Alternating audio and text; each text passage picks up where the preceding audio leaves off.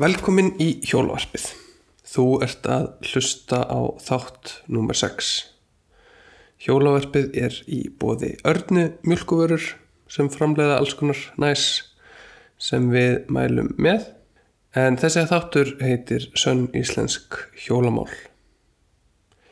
Við ætlum að byrja þáttinn að heyra aðeins í henni Örnusýriði sem er að æfa sig út í Ástralíu og hún er sérsagt nýbúin að taka þátt í heimsleikum í handahjóluröðum og svo ætla ég aðeins að fara yfir leðindamál en sérsagt hjólinu mínu var stólið og ég ætla að segja ykkur svona aðeins frá því hvernig gekk að fá það aftur og kafa svona ofan í í hjóla þjófnaði en já, gerðu þið svo vel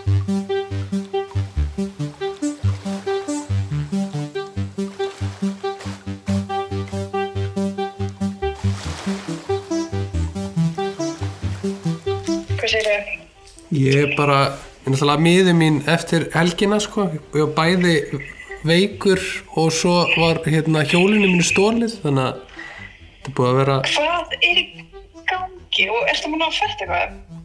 Nei, bara, þú veist, úkslega weird og ég er eitthvað að núna reyna að finna út af einhverjum heimilistryggingum og einhverju mösi. Uh, óþarandi Mm og þólandi. Smá side note, ég er að horfa út og ég er svo kött og ég er búin að vera í Ástralíu í mánu. Þetta er fyrstu köttur sem sé. Nei, það er tveir. Ok, ok. Nei, ok. Ok, gott. Það er, það er sko, kett, við, við erum bara að spyrja fólk, kettir eru vist bara eitthvað svona smá hætta, uh, kannski er þetta eitthvað annað dýr en vegi. Það er sem eitthvað dýrið. ok, ég skal, sorry. Hérna, en kettir eru vist bara svona hætta við dýraríki í, að þessum til mikið af svona lítlum dýrum í útstömmingahættu, þannig að banna að hafa ketti nema þessi einu kettir. Ah. Finn- Fyndið. Já. En hvernig hefur gengið að hjóla? Sko, ekki, ekki nógu vel. Ég er búin að vera eitthvað að fóra eitthvað svona eina innaæfingu sem var bara geggjað og þú veist, ég er alveg til í það en ég hef ekki fundið neitt, uh, neitt svona hóp sem að make sense inn í eitthvað svona fjölskyldulíf og vinnulíf. Um, þannig að ég er núna meira búin að vera að skoða þessa treinera þannig að en núna er komin náttúrulega svona smá vesen varandi það því að ég þarf þá mögulega að redda nýju hjóli og Einmitt. þannig að ég þarf eitthvað að kann eitthvað yfirdrátt heimild og eitthvað svona þannig stöf Já, interestlegt. mm Um, já. En það sem varst að hjóla voru, veist, það voru vantilega bara svona wattbikes eða bara svona spinning hjól sem fólk þekkir eða þú veist þannig. Já, Þannig að þú gætir mögulega millitíðinni þetta er með að komast einhvers þar að inni. já, totally Ok. og ég hérna getur örgulega að fengið eitthvað treiner lánaðan sýnist mér Já, er ekki fullt af fólki sem áta bara í kefislega sinni og er ekki að nota Jú, eða bara, já, keftir notaðan eða fengið lánaðan að leiða með eitthvað. já Næs. En hvað er að frétta af þér? Herðu, bara allt gott. Um, bara, já, ég er bara með þenni í Ástralíu. Það er skrítið. Er bara sumar. Og ég er búin að vera svo lengi, en þú veist, ég er búin að vera mjög lengi, ég er búin að vera mánuði. Og mér finnst bara að eigi að vera sumar allstaðar. Ég er komið þangað. Þannig ég er eitthvað svona, já, það verður gaman að koma heim og fara vestur og hafa næs. Hérna, neini, er ekki bara, já, það var franskviti. En hérna gaman. Ég sagt var að koma í gær á keppnisáttaleg sem ég er að núna. En ég var búin að vera í tæpar fjóra vikur þar á undan í Adelaide í bara Airbnb íbúð að uh, æfa úti og bara hafa það næs. Uh, og svo var ég að keppa áðan í fyrstu keppninni sem heitir Time Trial á uh, stað sem heitir The Bend. Þannig að já, ég var að hérna klára 15 km uh, gekk ekkert eitthvað geggja vel smá bara eitthvað bras og um, já, mér fannst ég bara svolítið hæg þannig ég er bara svolítið tapsar í dag. En það rettast alveg. Ok, og hvað, er, hvernig er þá, þú veist, núna, þetta er fyrsta tímataka, mm hvað tekur svo við? Eða hvernig, þú veist, hvernig liggur þetta fyrir? Já, sérst nú er allir búin að keppa í tímatöku á alls konar hjólum og hérna síðan er ég fyrir að keppa á miðvikudaginn, sérst ekki á morgun þetta er hinn í uh, götu hjólakeppni, sérst svona race þar sem að úrslitin verður úr hérna uh, keppni í dag verður notuð til að uh, staðsetta fólk í svona rauðast og svo hjóla allir saman sagt þessa braut. Þá eru að fara held ég cirka 40 km í uh, roadracing okkar eftir tvo daga. Ok, þannig að uh, þetta er bara í rauninni eins og í formúlinu eða eitthvað, að þess að tímatakan ræður stöðu á ráspól. Já, algjörlega nefnilega. Það er alveg, alveg nema þú veist, þú þarft ekki að vera, þú veist, það er alveg hægt að sneika sér maður, það er ekki svona, þú ert ekki með línu sem þú þarft að vera á, sko. Þú veist, það er bara allir svolítið í einni kös Mhm. og þetta er ekkert eitthvað svona, þetta er ekkert er ekkert rosalega margir, þetta verður kannski, ég veit það ekki, 15 stelpur. Þannig að veist, þetta er ekkert eitthvað svona endalust mörg hjól. En þú varst að segja aðan að þú væri smá tapsár. Hvernig, þú veist, er það gott veganesti inn í næstu keppni eða, þú veist, ertu að undirbúa þig einhvern veginn andlega, þú veist, eitthvað sérstækt eða er þetta bara, Sko, þú veist, ég er alveg svona, ég sem persónu held ég sé svolítið svona, ég er, veist, er ekkert fúl ótrúlega lengi, ég var náttúrulega bara ógeðslega fúl í dag og var ekki glöð, eðlega, um, en svo svona, þú veist, er ég lóslega fljót, ég hugsa bara, ég er hægt, þetta er rugg, ég var alveg þar, af hverju er ég að þessu, ég er bara svona ógeðslega sveitt, einhvers vegar lengst út í Ástralíu og það er sko 33 stæði hiti. Ég er bara ógæslega lengi ógæslega mikið rók bara sandur, þú veist, í tennurnar og eitthvað, ég er bara, hvað er mér? Hvað er að þessu? Svo bara svona, núna, þú veist, hvað er komin fjóra tíma ástæði eitthvað það er svolítið alveg freka næs, verður alveg svona gaman taka næstu keppnu eitthvað. Þannig að já, það er, er basically hannig um, þú veist, auðvitað er auðvitað bara fólk vísað skilur hvort að hérna sé gott að vera tapsar og full, hvort að það gefur manni ekstra power eða bara hvort manni er bara að vera glæður sko, ég held að náttúrulega já, það væri náttúrulega besta power ef maður hefði bara ge- gert geggja mót í dag og væri bara, kem bara geggja peppaður inn í, í mót, en ég er svo sem líka held að það peppum við alveg að vera svona pínu pyrruð og vera bara til í hvað ég segja, ekki, þú veist, kannski ekki, ég er ekki fara, þú veist, gera eitthvað almenn, skilur, en ég veist, ég er alveg til í að vera með kannski smá, eða þú veist, kannski meira núna heldur en þið verið bara, ó, þetta er bara næs og þetta er aðeins, skilur. já, og ertu þá, ertu komin með eitthvað markmið? Uh, nei, ég veist bara á eftir að heyra betur í þjálfarnum mínum, hann er alltaf svona skoða um, hína stelpunar um, tímað þeirra í dag, þannig að mér finnst svona líklegt að ég sé að fara að finna einhverja uh, sem er aðeins hraðar en ég, kannski frekar svona góð að hjóla, þú veist, er góð um, góð í beigjum og svona hefur kannski mikla reynslu að ég sé að fara svona að hengja mig aftan það, það var alltaf kannski mjög gott ef að það myndi ganga upp, það myndi spara mér orku. Og finnst þér þú, þú veist, ég held við, við höfum meiri sér að tala um þetta, finnst þér þú, þú veist eins og þetta er örglega eitthvað svona eitt af því geggjaðasta sem þú mynd gera á hjóli ever. Þú veist, þetta er svona up there, þú veist, eitthvað að fara til Ástralíu og keppa í handahjóluröðum með eitthvað, þú veist. Um, en ég held að þú veist það sé svo algengt sérstaklega í atvinnumennsku að þú veist alltaf bara, já en það er eitt enn stærra, þú veist það er enn, það er eitthvað stærra markmið þú veist sem er svo svona drífandi en sem er svo twisted með þú veist að ná að njóta augnabliksins og þess sem að maður er að upplifa á móts við það að vera alltaf að horfa fram á við hvernig finnst þið Já, svona ummitt. ég er örugglega ekkert að, ekkert rosa mikið, nógu mikið að njóta augnaböksins, þú veist, að því einmitt, ég er bara eitthvað ástralíu, ég er bara svona að keppa með óslega mikið skemmtilegu fólki og bara hitta, allir sem er búin að hitta í nöndi ástralíu er bara ótrúlega skemmtilegir og næs og ég er bara eitthvað svona, ég verð að ná aðeins fleiri vöttum og ná að vera betur en aðeins fleiri stelpur, þú veist, ég er svo mikið þar.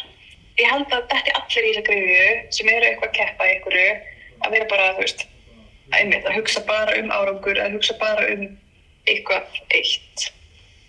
Hvernig er annars að vera út í Ástralíu?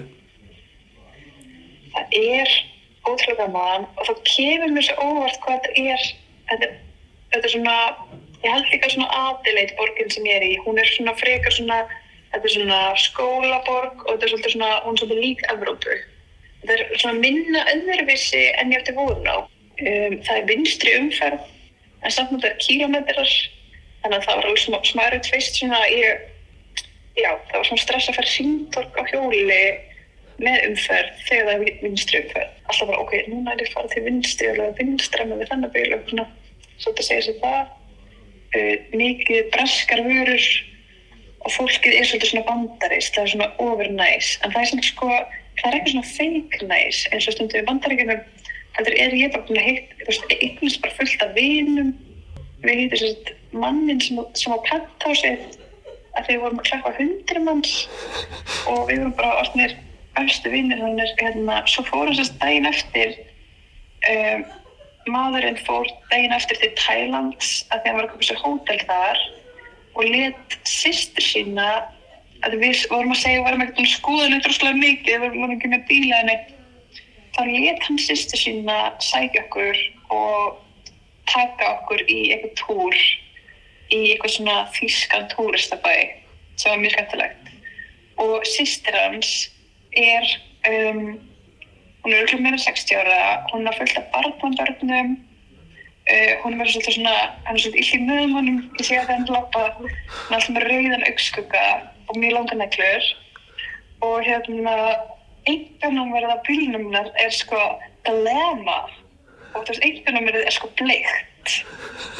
Og hún á hérna þannig að bróðir og eitthvað að passa hundin hans og keira með okkur. En vinnan annars er sko að hún er með ghost tours og var að segja ykkur hvað var hátt kræmreit hvað var mikið af glæpum og morðum í Adelaide og hún er semst, vinnan hennar er að keira, að sína fólki eitthvað bæ, það er svona óslæm mikið svona, eitthvað svona draugabæ og segir eitthvað svona draugasögur og stundu fyrir með fólk inn í eitthvað fangilsi og lóta það inni. Wow.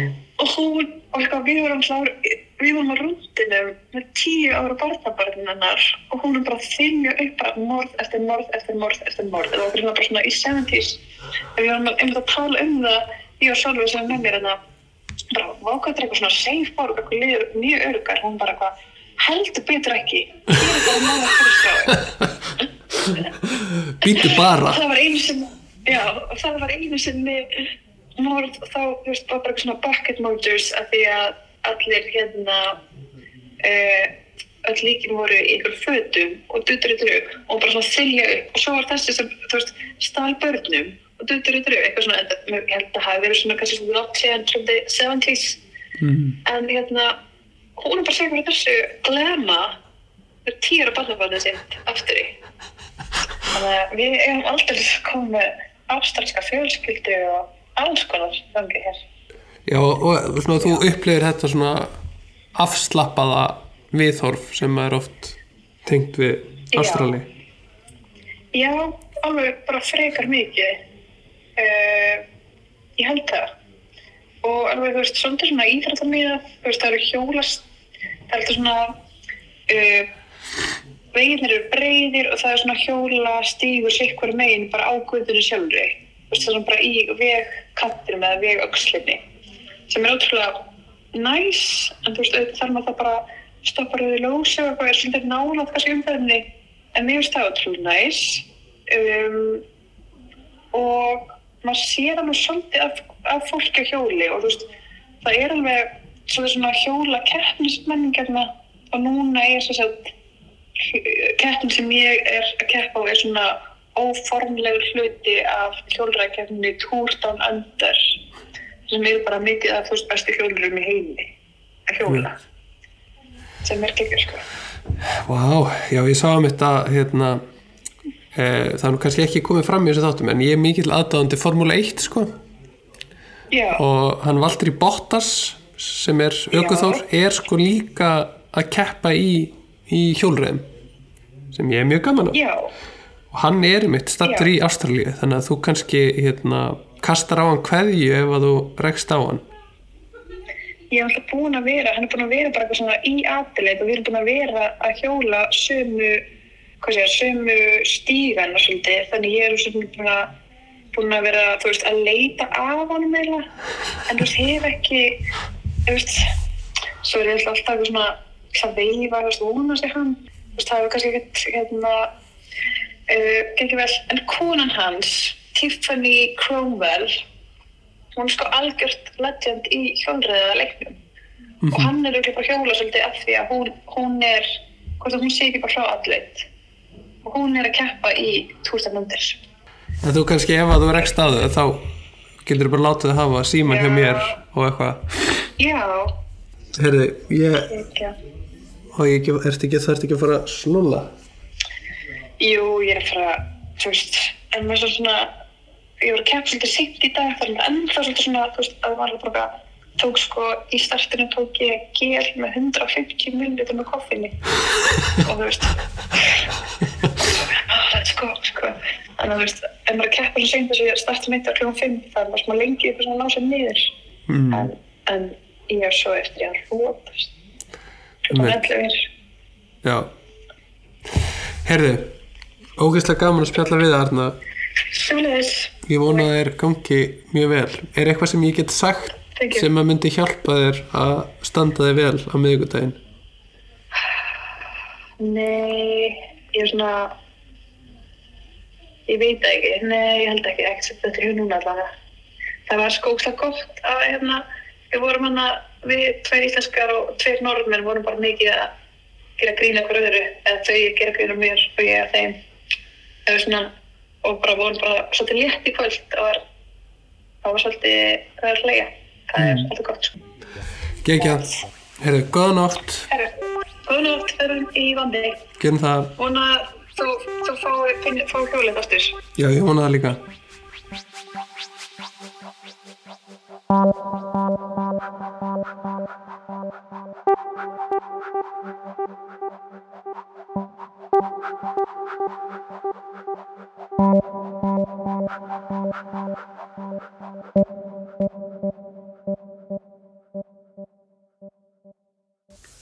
Hjólavarpið Original kynir Sönn íslensk hjólamál eftir Búa Aðarstinsson Glundróði á Grenimel Sunnudaginn 14. janúar 2024 var snjódrífa yfir götum höfuðborgarinnar. Það var kallt í veðri. Grenimelur hefur lungum verið fáfarin gata í vesturbæ Reykjavíkur en tengir saman háskólasvæðið og grandana og því einhver slæðingu fólks sem fer þar um. Flest húsin sem standa við Grenimil eru tvískipt tveggja hæða fjölbýlishús með kjallara og risi. Einstefna er í götunni og garðar sem standa aftan við húsin. Íbúðir við götuna eru ímist þryggja eða fjögra herbergja og því algengt að barnafjölskyldur búi þar. Þessi sunnundagsmorgun byrjaði ósköp venjulega hjá einni fjölskyldinni á Grenimel en á orskot stundu breytist stigagangur fjölskylduheimilisins í glæpavettvang.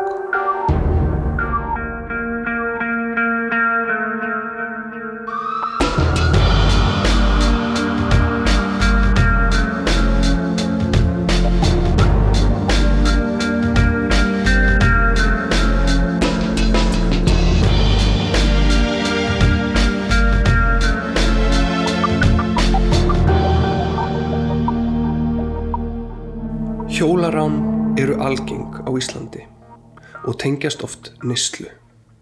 Ræningjarnir grýpa hluti eins og hjól, einhvað sem þægilegt er að ferja og reyna að fá þeim skipt fyrir vímuefni eða koma þeim í verð sem svo fjármagnar nyslu.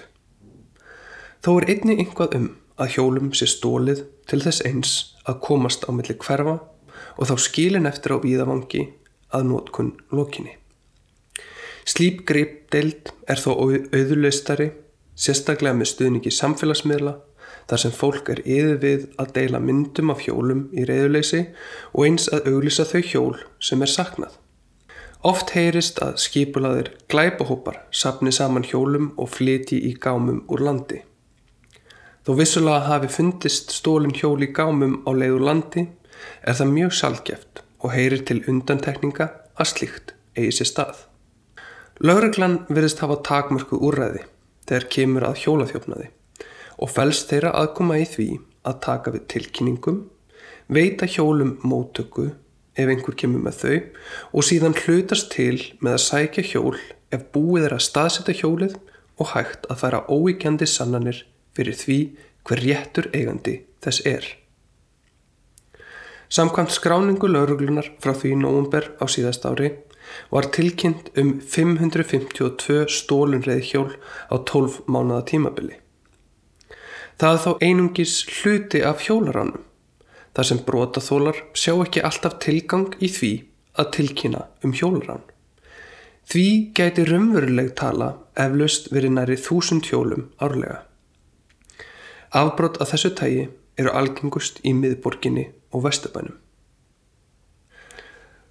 Útidira hurð að aftan hafði verið rætt nokkurum sinnum í samtölum nágrana. Það sem hún virtist bæði læsast ítla og eins að þröskuldur hurðarinnar var laus. Ekki hafði verið bröðist við og því slegið á frest nokkurum sinnum. Þetta reyndist aftrifarík ákvörðun í ljósi þess að farið var inn um þessa hurð aðfara nótt 14. januar 2024.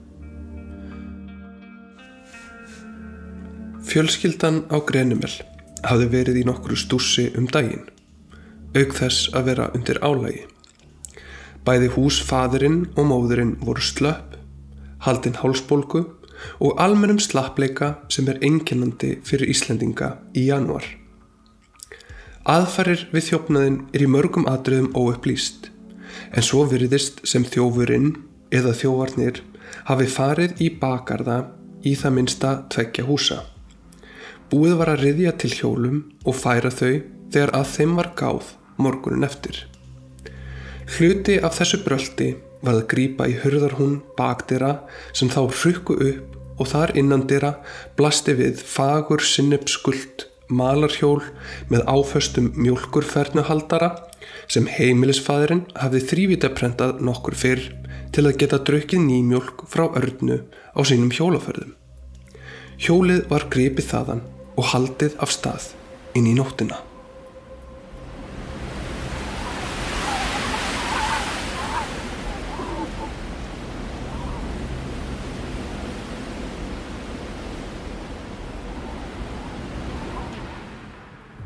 Morgunin eftir varð heimilisföðurnum mikið áfall.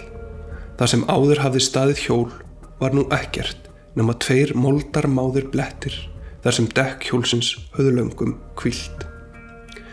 Fyrstu viðbröð heimilismóðurinnar voru að efast um hvarfið. Nokkru áður hafði heimilisfæðurinn tínt fjärstyringu sem kom síður í ljós að var í rasvasa hans og því trúveruleiki hans að einhverju marki lítill.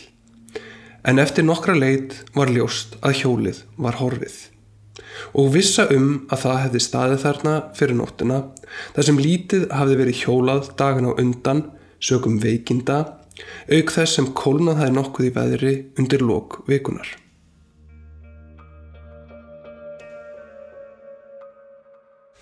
Sama dag tilkynnti heimilisfæðurinn og eigandi hjólsins það stólið og setti tilkynningu á helstu samfélagsmiðla um að það var í horfið og leit hafinn.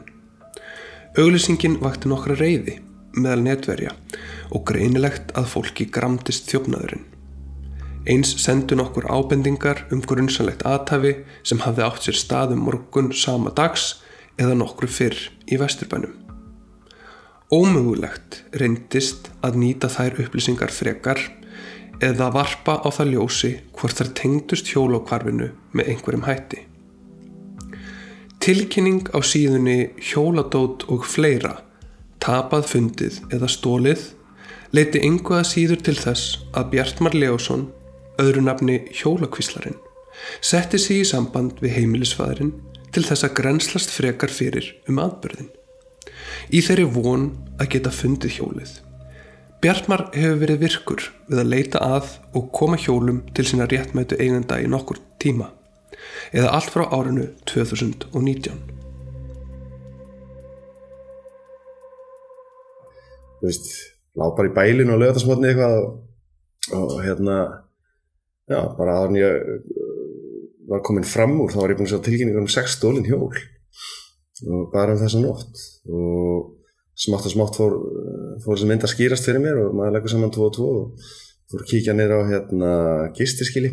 Og þar sé ég þetta bara að liggja fyrir framann bara hjóli dýrar í kantirum og ég þarf nú ekkert að gera neitt fyrst sko þannig að lappa framhjá hinu með um göduna og reyna að taka myndir af þessu hjólum. Og svo er daginn sé hérna lokkabíl koma kærandi niður göðuna og ég hugsa að nú gerist eitthvað með þér og bílinn stoppar og þeir horfa svona á hjólarhúðuna horfa á strákana í skilinu og svo keira það bara áfram. Og það er, ég held að það hefði svona officially byrjað þá. Bara já já, þá skal ég bara gera þetta. Og fór að mæta þarna og býða eftir að það væri enginn á staðnum eða enginn að frutan, þá bara laumaðist þarna upp að greipa sér hjól og þekkti oft hjólinn strax og gæti komið strax til eiganda sko og hinn þá bara til lokunar sko þannig að já, þetta byrjaði svona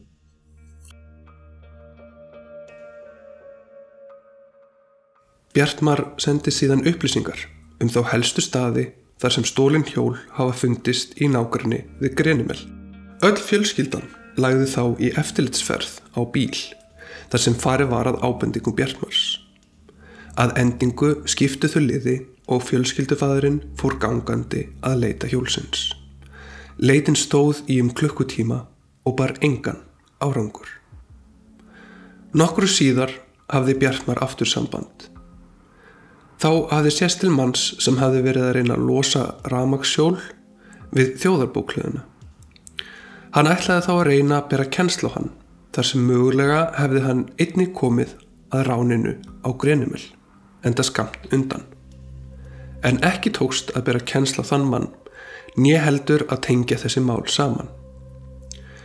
Bjartmar hefur í hjólamillikungum sínum kynst nokkuð mörgum, þá sérstaklega því fólki sem hefur verið að taka hjól. Því er hann farin að geta borið kennsla fólk jafnvel þó ekki sjáist að öllu leiti í andlit þeirra.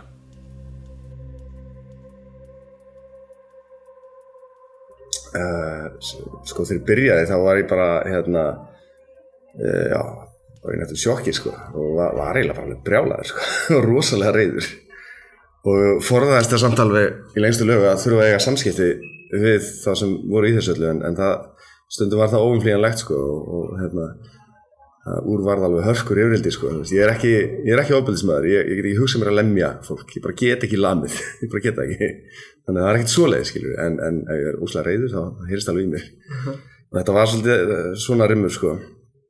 Og hérna sem átti það til að gerast. Svo breytist það. Það er sem sagt þannig að ég er að hjólunni á lögvegin og sé eitt koma á móti mér á hérna hjóli í svona unglingastæð sem er alltaf öðruglega stóli sko. Nýbúin að taka til þessum gaur sko. Já ég er aðeins að skoða þennan. Er, ég er alltaf að segja hann nýjum og nýjum hjólum sko. Og hann kemur svona á móti mér og ég sný við. Og tek upp síman og að reyna að ná mynd af hjólinn sem hann er á og var eitthvað óalega klöfskur við þetta, var eitthvað að reyna að summa og svona. Og ég líti upp og sé hann tekur eftir mér. Og sé að hann er alveg mökk reyður sko. Ég set síman í vasan og hugsa bara já, ok það er best að forða sér bara og hjóla í burtu og snými við og þá kemur hann í sénar að koma fyrir aftur mig á fullu sko. Og hann bombar hjólinu aftan á mitt. Bæði hjólinu skella í göduna þetta er um sjöleitið að kvöldi til bara hérna, sumar kvöldi hérna fullt af fólki bara lögaveginn með rétt á bónus. Öskrar á mig, kemur alveg í andlita á mig, alveg brjálaður og kalla svo eftir einhverju vinnu sínu sem eru ofar á lögaveginum og, og ég gríp hjólið alltaf að rúla staðan enni, það var afturgjörðin alveg kengbeiglu og snýst ekki sko. Og bara já, nú þarf ég að vera fljóður að hugsa hvað ger ég, hvað ger ég? Sá það einhverja búð, bara hleypin í búðina með hjólið, loka og læsi. Og stelpan sem var að vinna þetta bara, hvað, hvað er að gera? Svona, að það er eitthvað brjálega einhver þetta maður, það er ringja lögguna ringja lögguna og löggan kemur. Og eftir þetta var ég mjög hrættu að fara hér í bæ lengi eftir og sá hann um stundum bregða fyrir og, og ég fekk alveg sjokk og bara huldi andlitið og lappaði svona hrætt framhjá og nema hvað uh, svo gerist það að ég hérna ég er að koma úr sundalri og er að lappa hérna í áttina hérna lögveginum og það er hérna það er eitthvað leikskóla hérna við hliðina á og þar fyrir utan er bekkur. Við þennan bekk stendur einhver maður að gramsi einhverjum boka og einhver svona gamadriðgar hjólgarnu við hliðina á hann og hérna ég er svona gríp síman sko bara fyrstu viðbjörn svona komur ekki grípur byssur sko, eitthvað, tilbúin að taka mynd. Og hérna svo snýr hann sér við þessi maður og ég sé hver þetta er og það er þessi sem ég hef búin að vera mjög snöggvið mjög lengi. En það sem ég tók eftir líka var að hann var mjög rólegur.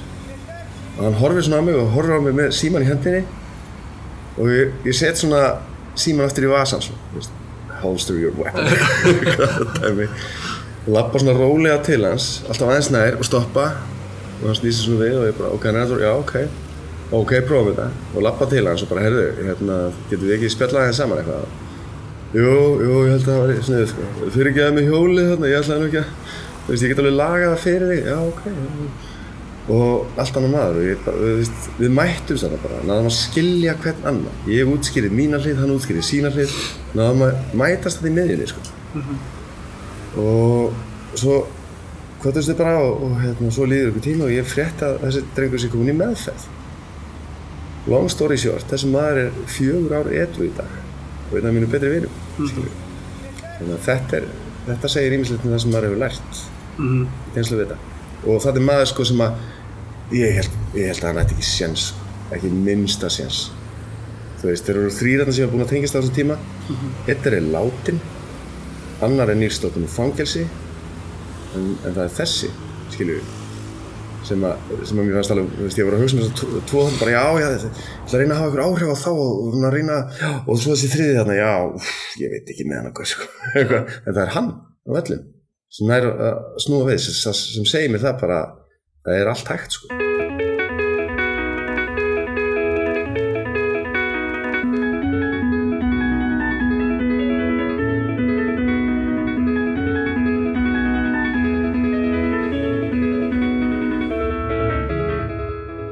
Nokkru fyrr, eða í byrjun desember, hafði gíktarlæknir að nafni Árni Tómas Ragnarsson mist starfslefi sitt að hluta.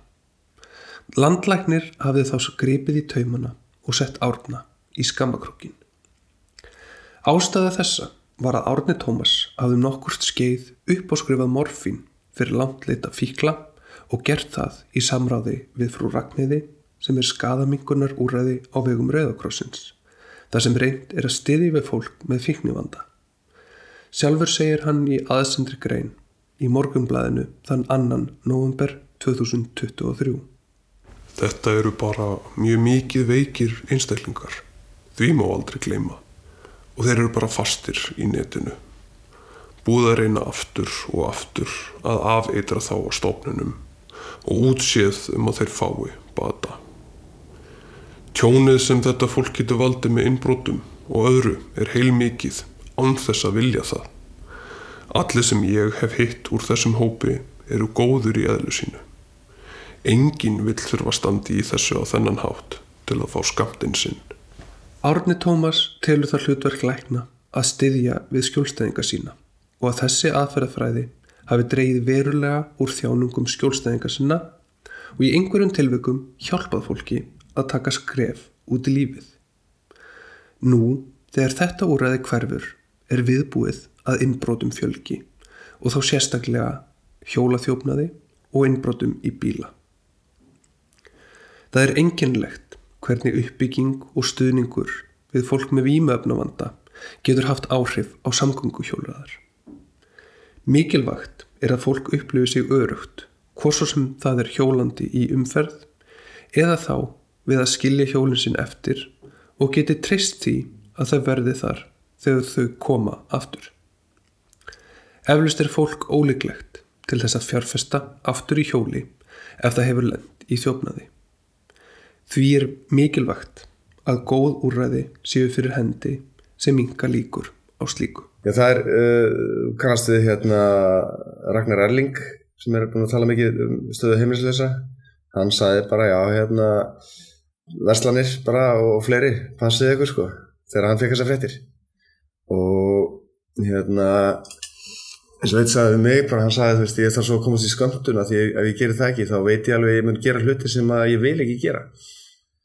Um, þannig að já, þetta mun mjög líklega hérna, auka hjólaþjófnaði og aðra þjófnaði sko, klálega, af því að nú gerist það að fólk sem að að þess eftir bara að velta út í apotek þarf núna að finna upp á hennum ímsu leiðum til þess að hérna, fjármanna sína neyslu sko.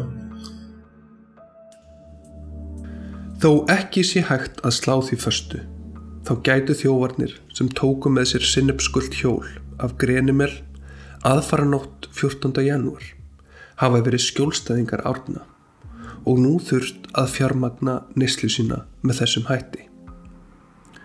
En dagurinn leið án þess að leit bæri árangur.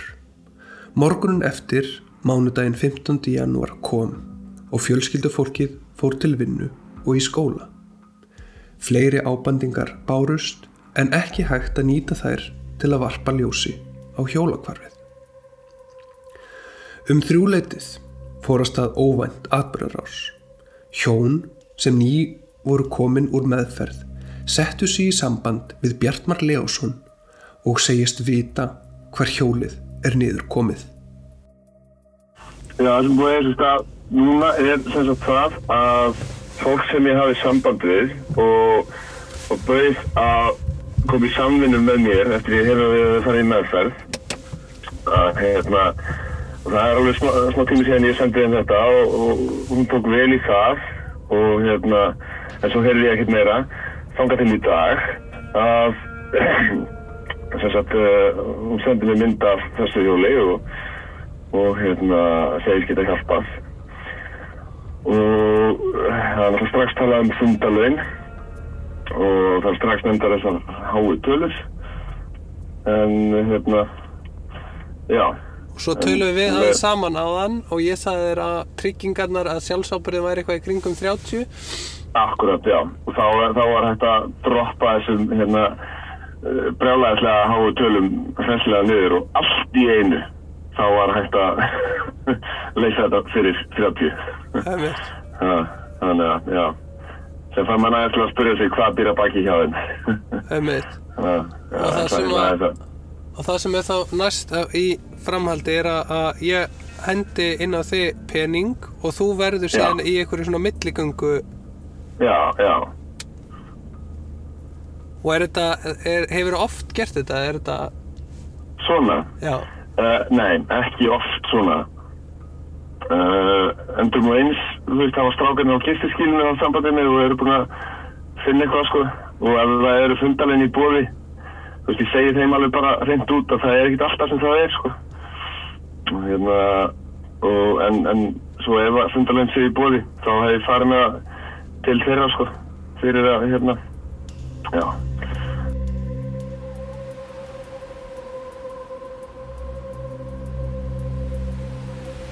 Eftir að komist var að niðurstöðu um fundarlaun mælti Bjartmar sér mót við hjónin sem þá höfðu fengið hjólið í hendurnar frá þjófnum sem þau könnuðust við. Ekki fylgdi sögunni hvort þau hefðu þegið hluta þessarar greiðslu eða þjófurinn fengið það allt saman. Ákveði var að hittast aftan við landakotspítala um sexleitið. Bjartmar skildi koma þangað með peningana og fengi þá hjólið í staðinn. Í sömu mund og þessir atbyrður eigu sér stað var haft samband við heimilisfari og tilkynnt að sérst hefði til hjólsins við hrannarstíg. Þá hafði árvökull vesturbæðingur þekkt hjólið og spurst fyrir um það. Flutningsmaður hjólsins var með hjálm og buff yfir andlitinu. Kerði raf hlaupahjól og reytti gula hjólið samsíða sér. Þessi maður saðist vera á leið með það til eigandar síns. Þar hefur þá verið á ferðinni milligöngumadurinn sem stuttu síðar hitti Bjartmar og skipti við hann á fundarlaununum og hjólinu. Að því loknu flutti Bjartmar hjólið aftur heim á Grenimel og til síns réttmanda eiganda. Hjólið var að mestu heilt. Búið var að fjarlæga lás, brúsa og sömleiðis brjóta af því mjölkurfernuhaldara sem hafi verið áfastur stelli hjólsins. Og þar með laug því máli.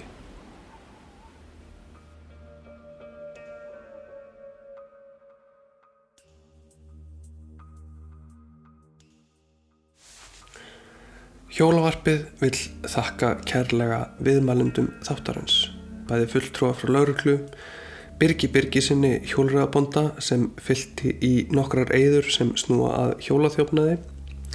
Sérstaklega þarf þó að þakka Bjartmæra Leosunni, bæði fyrir viðvikinn eins og þeim er líst í þessum þætti og sömuleiðis það óeigingjarna starf sem hann sinnir. Ef miðað er við þann fjölda hjóla sem Bjartmar hefur komið til sinna eigenda bara í þessum mánuði er varlega áætlað að hann hafi skilað vel yfir þúsund hjólum. Með því hefur sparast bæði mikl, heilmiklir peningar við að kaupa ný hjól og ekki síst tími og orka við að útvega nýtt hjól hvort svo sem það hefði verið í gegnum tryggingar eða með öðrum hætti. Eins þakkar hjólavarpið sérstaklega þeim Sigurstínum Ásunni og Mána Svavarsunni sem báður veitti leifi fyrir nótkunn á hljóðstefi sjóanstáttana Sönn Íslensk Sagamál sem voru fyrst sínd í sjóvarpinu í februar 2001. Nýjir hlaðvarsrættir voru síðar framleitir undir sama nafni og eru aðgengilegir á Storytel og mælir hjólavarpið eindriði með hverju tvekja. Að lókum þakkar hjólavarpið þeim sem hlustuðu og minnir á mikilvægi þess að læsa hjólum með góðum lásum eða koma þeim fyrir innandira. Hjólavarpið er í bóði örnu en Arna framleiðir úrvals mjölkurvörur sem gott er að borða og drekka við hinn ímsustu tækifæri.